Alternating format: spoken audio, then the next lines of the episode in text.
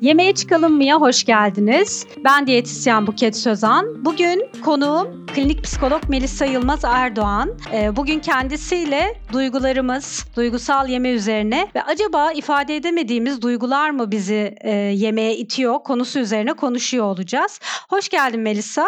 Hoş buldum Buket. Nasılsın? İyiyim, teşekkür ederim. Sen nasılsın? Ben de iyiyim, çok teşekkürler.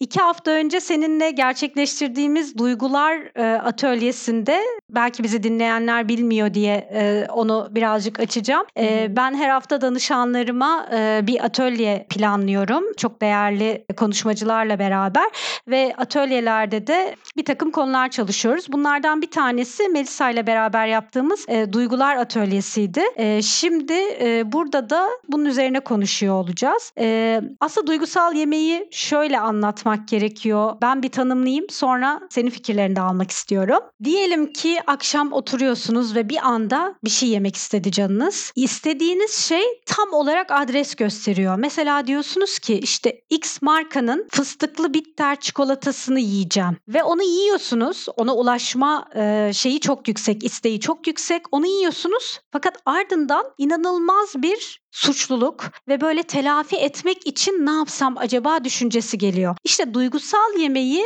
ben danışanlarıma böyle anlatıyorum. Peki bir psikolog bakış açısıyla duygusal yeme ne acaba? Biraz duygulardan bahsetmek gerekecek sanıyorum duygusal yemeğe girmeden önce.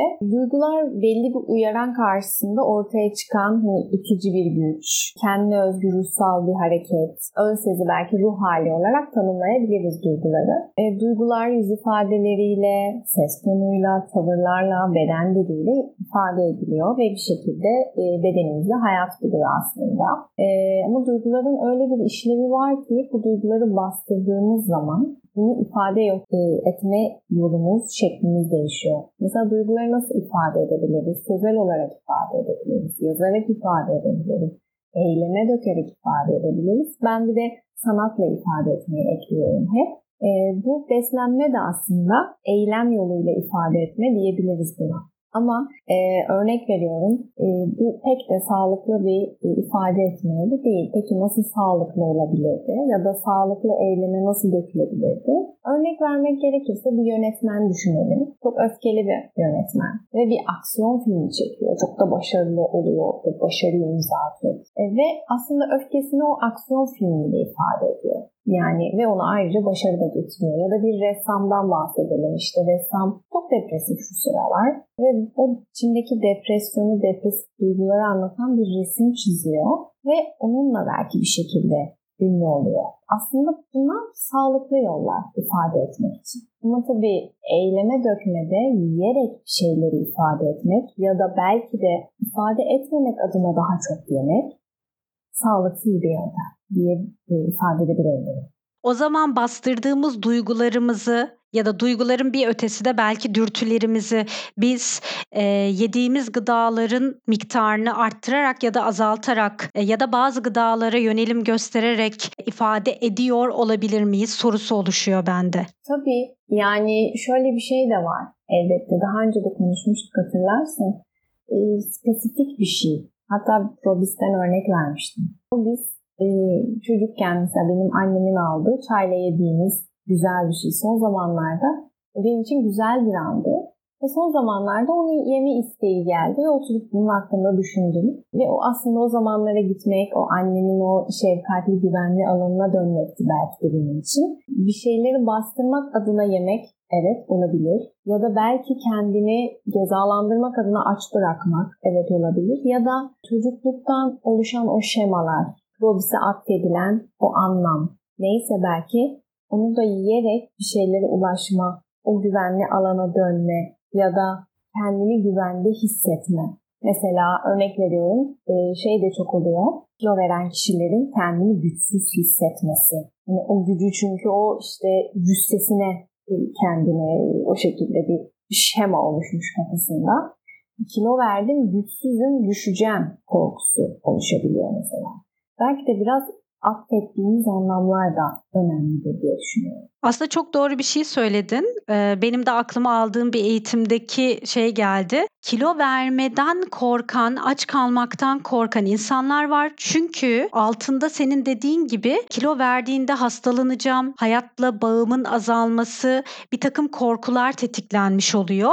Dolayısıyla aslında atfettiğimiz duygular bizi yönlendiriyor. Fakat bunun farkında olursak acaba bu duyguları yönetmek daha kolay olur mu? Sorusu benim aklıma geldiğinde de danışanlarımla bunu çalışmaya çalışıyorum. Seninle de zaten zaman zaman bunu konuşuyoruz. Acaba duyguyu tanımlamak konusunda hani Türk insanı, Türk halkı duygularını ifade edebilen bir halk mı? Yani ben kendi adıma çok yeni öğrendiğimi söyleyebilirim. Çünkü duyguları bile tanımadığımın farkına vardım. Ee, bunu seninle de konuşmuştuk atölyede hatta.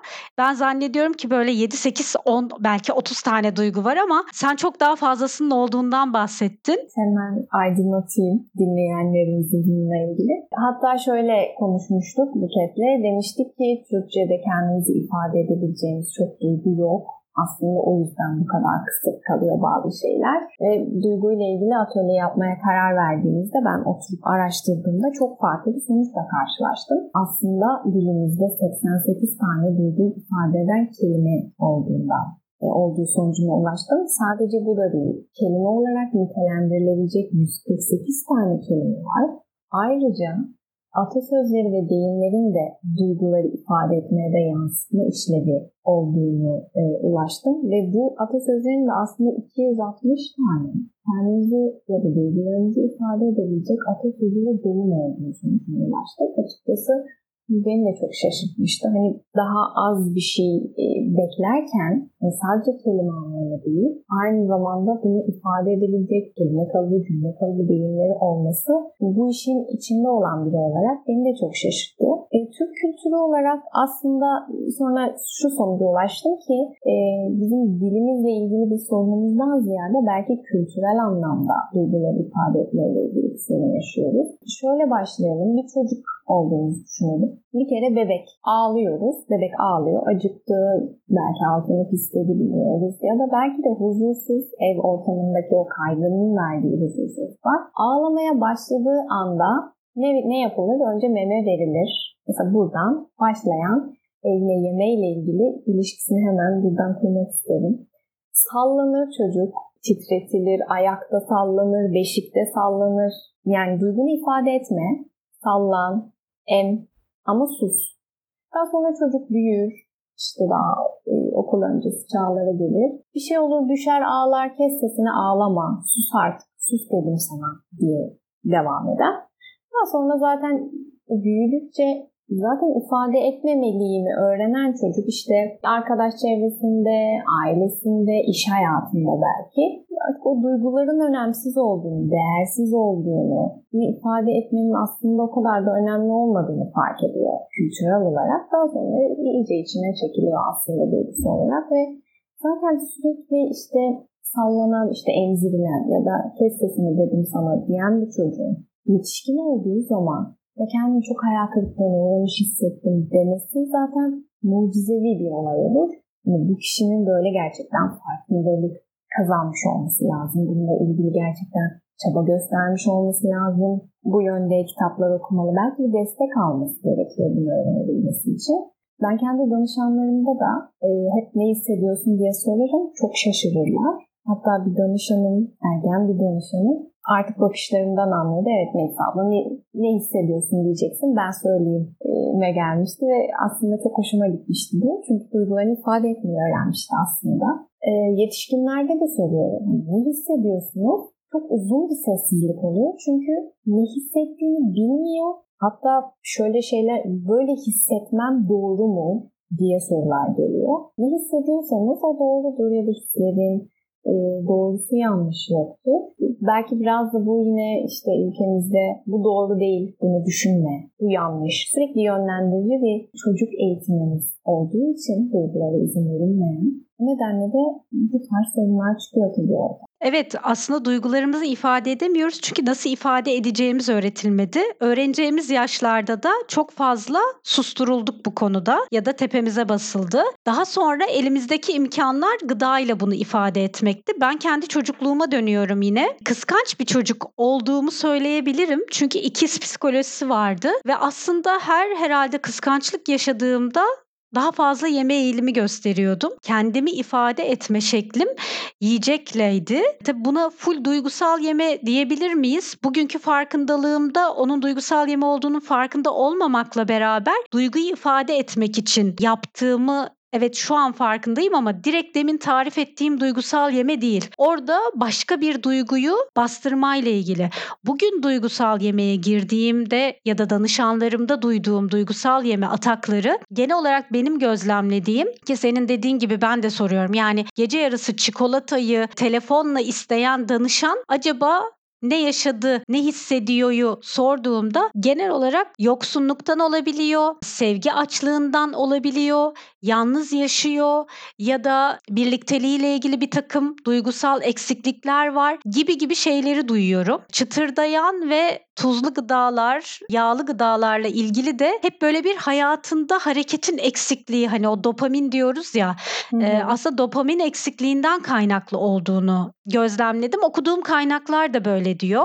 Sen ne dersin bu konuda? Şimdi yağlı deyince aklıma şey geldi. Abur cubur geldi ama onun ondan ziyade hani bizde şey vardır. E, bir yere misafirliğe gidersiniz, oturmaya gidersiniz ya da uzun zamandır eve gitmemişsinizdir, eve geri dönersiniz. Evde zeytinyağlı dolmalar, böyle yağlı yemekler, bol hamur işleri, kek, sadece kekle kalın. Kek, kurabiye, tatlı kurabiye, tuzlu kurabiye, poğaça, işte bilmem ne salatası. Ama salata çok masum gözükse de makarna salatası, patates salatası dolu dolu.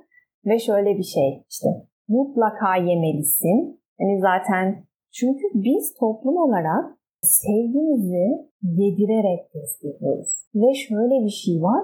Şimdi ben bir yere gittiğimde de bir tabak geliyor. Yani bunu yiyebilmem benim mümkün değil. Hani ne kadar yiyebilirim ki? Yani belli bir standart bir zaten az yiyen biriyim. Bir kek, makarna salatası, patates, poğaça, kurabiye, bilmem çörek. Onun yanı sıra işte aa olur mu canım daha meyve yiyeceğiz. İşte karpuz kesecektik mesela örnek verebiliriz. Senin için yaptım bunları. Lütfen ye. Ayrıca tabii ki burada duygusal olarak bir sömürü de işin içine giriyor. Yani kendini zorunlu hissediyorsun yemek yemeye. Belki de bu biraz bizim toplumumuzla alakalı diye düşünüyorum. Ve şöyle bir şey, zayıfsanız eğer, e, güçsüzsünüz, çok güçten düşmüşsün. Mutlaka yemelisin, hastalığa yakalanabilirsin, bağışıklığın düşmüş. Halbuki belki dikkat ediyorum, belki yani midem bu kadarını alabiliyor, bu kadarını yiyebiliyorum.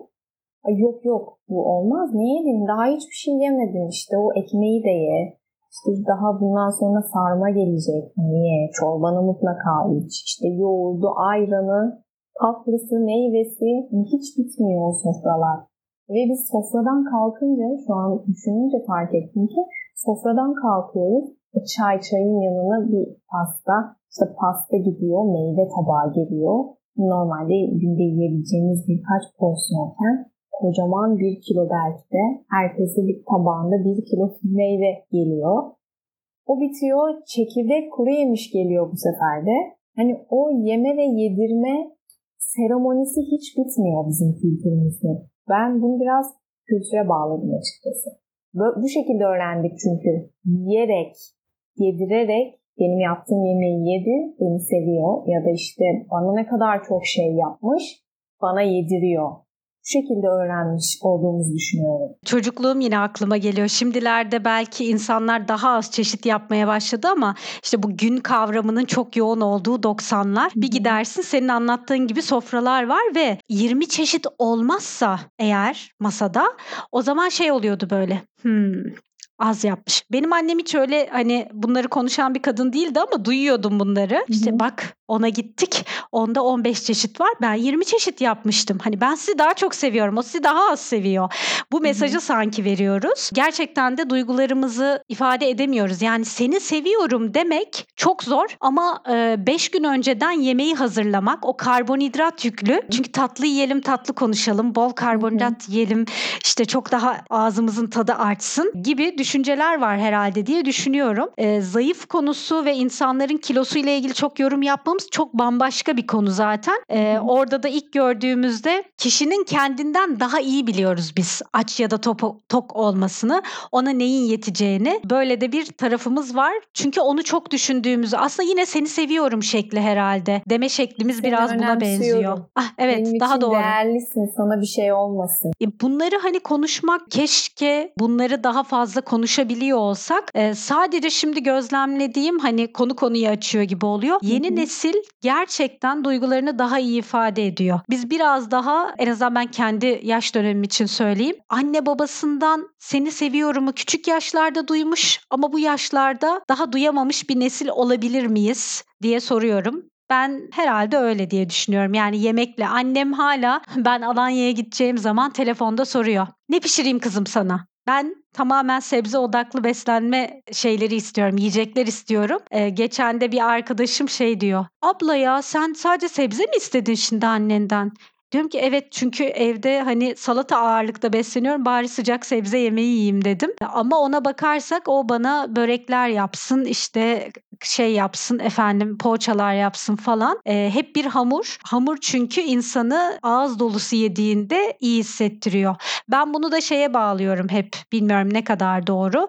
Annenin memesini ağzına alıp o doygunluk ve doluluk hissi ni yaratan gıdaları yeme. Çünkü birçok danışanımdan ağız dolusu yeme ile ilgili yani böyle o ağzın tüm çeperlerinde, yanakların çeperlerinde o dolu dolu hissi alma. Bana da o hep annenin memesini emmeyi anımsattığı için böyle bir algım oluştu ama bunun acaba var mı bir gerçekliği? Mesela ağız dolusu yeme ya da mesela obezitede e, sürekli ağzını doldurmaya çalışan kişilerde şöyle e, geriye dönüp baktığımızda aslında bebeklikte yeterli kadar ememeyen çocuklar olduğu sonucuna yapılan araştırmalardan bir tanesi söylüyor. Ee, onun dışında sürekli meme verilen bir çocuk da olabilir bu. Sus, susacağım, duygumu ben bastıracağım, meme ile bastıracağım. Çünkü annem benim ağlamama izin vermedi, hep meme verdi. Annem bunu verdiyse demek ki doğru olan buymuş. Yani duygumu ifade etmek, ağlamak, bağırmak yerine ben yiyeyim. Aslında bunu o bebeklik döneminde verilen bir mesaj ya da çok yoksun kaldı. Ee, mesela şöyle bir şey var. Kilolu bebekler. Maşallah tosun gibi. Belki de obez, obez o bebek. Yani yaşına göre, ayına göre o bebek böyle bir kilolu olmamalı. Ama yok yok işte şunu da yedirelim, bunu da yedirelim, işte et gıdaya başlayalım, şöyle yapalım çocuğun bak kollara bak, yanaklara bak ne güzel oldu. İşte topaç gibi çocuk oldu, bu topa gibi vesaire. Çocuğu da aynı şekilde beslediğimiz ve büyüttüğümüz için yine aslında o öğrenilen davranış haline gelmiş. Evet nur topu kar topu gibi çocuklar çığ gibi çocuklar oluyor sonra ve bir de bununla mücadele ediyor. Bu duygusuyla mücadele ediyor. İşte o duygular birleşiyor yine yemeğiyle mücadeleye gidiyor. Yani o duygusal yemeğin tetiklenmesi e, aslında özünde bugün hani konuştuğumuz bu konuların tamamını toparlayacak olursak yönetemediğimiz, ifade edemediğimiz duygularımızın bir çıkarımı olarak yemeği kullanma eğiliminde oluyoruz. Peki Eee, burada yemeği kullanmak yerine sanat terapiden bahsettin Melisa. Hani duyguların hı. dışa vurumundan. Burada hı. hani ufacık böyle birkaç şey söyleyecek olsak bizi dinleyenlere eee, nasıl yönetebilirler? Ne önerirsin? Şöyle aslında bedeni kullanıyorlar yerken. O zaman yine bedenle devam edebiliriz. Spor yapabilirler. Sporun zaten dopamini arttırdığını biliyoruz. Bu çok uzun zamandan beri kanıtlanmışlar. Tarihe yazılmış bir şey. Mesela el eli kullanarak yine işte heykel yapımı gibi bir e, şeye, sanat, sanat dalına yönelebilirler. Dans edebilirler. Yine resim çizmek olabilir. Yazıya dökmek olabilir. Sanatla. Şarkı söylemek mesela. ne bir şekilde ifade etmek ve içinde bulunduğun duyguları, o durumu bir şarkıyla ifade etmek aslında e, sağlıklı yöntemlerden olduğu söylenebilir. Süper. Ben de dans etmek kısmına %100 katılıyorum. Hem egzersizi de dengelemiş oluyor. Bir de elle yapılan şeyler hakikaten insanın şeyini değiştiriyor. Çünkü yemeği de elle yeme dürtüsüyle yiyor oluyoruz. Birazcık da o elle işte abur cubur yeme eğilimi artan bireylerde özellikle. Dolayısıyla ben de danışanlarıma hep şey diyorum. Elinize manikür, pedikür gibi şeyler yani elle ilgili bir şeyler yapabilirsiniz. Kişisel bakım olabilir, duş alınabilir, iyi bir e, işte cilt bakımı yapılabilir. E, kadınlar nezdinde konuşursak erkekler tarafında da baktığımızda hani tesbih çok şey yapılan bir şey değil belki ama tesbihle oynamak ya da işte stres topuyla oynamak bunun gibi bir takım şeyler de olabilir. Benim de aklıma gelenler bunlar oluyor ama yazmak konusu da çok kıymetli bir bilgi. Ee, harika bir giriş oldu. Teşekkürler. Yani aslında e, senin de verdiğin gibi kaygıyı başka yöne yönlendirmek belki. O yemek kaygısını, işte tesbih, daha sonrasında manikür, pedikür yine ellerle ilgili e, dikkati başka yöne çekmek, kaygıyı başka e, yöne kanalize etmek, o duyguyu daha farklı bir şekilde ifade etmek yemekten ziyade aslında dopamini daha farklı şekilde almak, serotonini daha farklı şekilde arttırmak. Burada tabii oldu da bunları yapamadık. O zaman da benim önerim diyorum ki bir şey yemek istiyorsan ye, farkındalıkla ye. Bunu yediğinin farkında ol. Evet sen çikolata mı yemek istiyorsun? Bak bakalım hani senin de söylediğin şey aslında bedeninle farkındalıkla bedeninin aslında isteğini de duyarak çünkü her zamanda işte manikür yaptım iyi gelmedi dans ettim hala istiyorum. E okey. Farkındalıkla o çikolatayı al bir parça yedin mindful ye. Yani onu yediğini, damağında bıraktığı tadı süreyi uzatarak, tadına keyif alarak, tadına gerçekten keyif almayı da katarak tüket ve sonrasında pişmanlık duyma. Çünkü farkındalıkla yenilen ve yapılan şeylerde aslında sorumluluğu almış oluyoruz. Ee, ve bu şekilde farkındalıkla yenilen bir çikolata ya da dondurma ya da her neyse o. Çünkü bu bazen e, pasta da olabilir. Yani şunu da duydum çünkü danışanımdan. Yani güzel şeyler olduğunda hep biz pasta keseriz ve ben güzel bir şey olsun istediğimde de pasta yeme eğilimindeyim. Süper. Bunun farkındasın. Şimdi o farkındalıkla o bir dilim pastayı belki daha az yiyebilirsin. Çünkü mindful yeme, bir sonraki konumuz belki mindful yeme olabilir. Mindful yemede insanlar e, yediği miktar azalmasına rağmen aldığı keyfin arttığını görüyor. Bu da kişinin duygusal yemesini yönetmede bence çok büyük etkiye sahip. Kesinlikle katılıyorum. Hani normalde de zaten yavaş yemek e, diye bilinen bir doğru var ya. Yani yavaş yavaş yediğinde, sindire sindire yediğinde çünkü tabağını hızla bitiren biri etrafta ne var arıyor. Çünkü daha doyduğunu hissedemeden hemen ağzına atmaya başlıyor. Yani bir dur bakalım bir yavaş yavaş bir sakin ye. O ekmeği belki biraz daha işte dörde ayırıyorsan bu sefer altıya ayır, sekize ayır. Daha yavaş yavaş at ağzına. Onu yerken bir sakin bir doydun mu? Bir onu düşün. Bizde bir de şöyle bir şey var ya çocukken öğretilen. O tabak bitecek mesela. Bir de e, benim çocukluğumda mesela korktuğum şeylerden biri o ekmeğin parçası gece rüyana girer arkandan koşar mesela. Bunu muhtemelen Türkiye'deki her çocuk duymuştur. Bir şeyleri bitirmek zorundasın. Madem böyle bir zorunluluğun var o zaman belki de o tabağı doldurmaktan ziyade daha yiyebileceğin ve doyduğun kadarını, yiyebileceğin kadarını doldurmak yapılabilecek başka bir şey olabilir. Kesinlikle. O zaman şöyle özetleyecek olursam ben bugün konuştuklarımızı duygusal yemede ifade edemediğimiz duygular e, ya da duygusal yemenin ötesinde biz ifade edemediğimiz duygular ve dürtüleri yeme eğilimiyle bir şekilde bastırmaya ya da e, onunla baş etmeye çalışıyoruz. Yiyerek baş etmeye çalışıyoruz ve eğer böyle bir duygu geldiyse bunun farkında isek bir takım eylemlerle bunu ya erteleyebiliriz ya da bununla farklı bir şekilde e, başa çıkmış oluruz. Eğer yapamıyorsak da benim önerdiğim gibi işte farkındalıkla yeme, senin önerdiğin gibi tabağına alıp görmek ve yine aslında farkındalığa giden bir yolda tüketim yapabiliriz diye özetleyebilirim. Burada bu tabaktaki mevzuya şuna döneceğim e, şunu da hatırlatma yapacağım. Aslında tabağımıza aldığımız şeyin önce yarısını yiyip bedenle de iletişimde şu an doydum mu, bana bu kadarı yetti mi sorduğumuzda da duygusal yemede e, önleyici bir takım farkındalıklara erişmiş oluruz gibi özetleyebilirim. Senin burada katkın olur mu? Bence gayet güzel özetledin. Ee, hem senin anlattıklarından hem benim anlattıklarımdan çok güzel bir sentezle onu bize verdin bize ve dinleyicilere. E, farkındalık her şeyden önce kişinin duygularını fark etmesi. E, belki de öncelikli olarak öğrenmemiz gereken kendi bedenimizin dili, kendi duygularımızın dili. Çünkü sonuç olarak biz ne kadar bir şeyleri bastırmaya çalışsak, inkar etsek ya da yok saysak örnekte verelim e, duyguyla ilgili ve yeme bir şekilde ortaya çıkıyor. Beden asla bunu unutmuyor ve bir şekilde ortaya çıkıyor duygular. Belki de onu yiyerek ifade ediyorsun. Burada bugün bu konuyu ele aldık.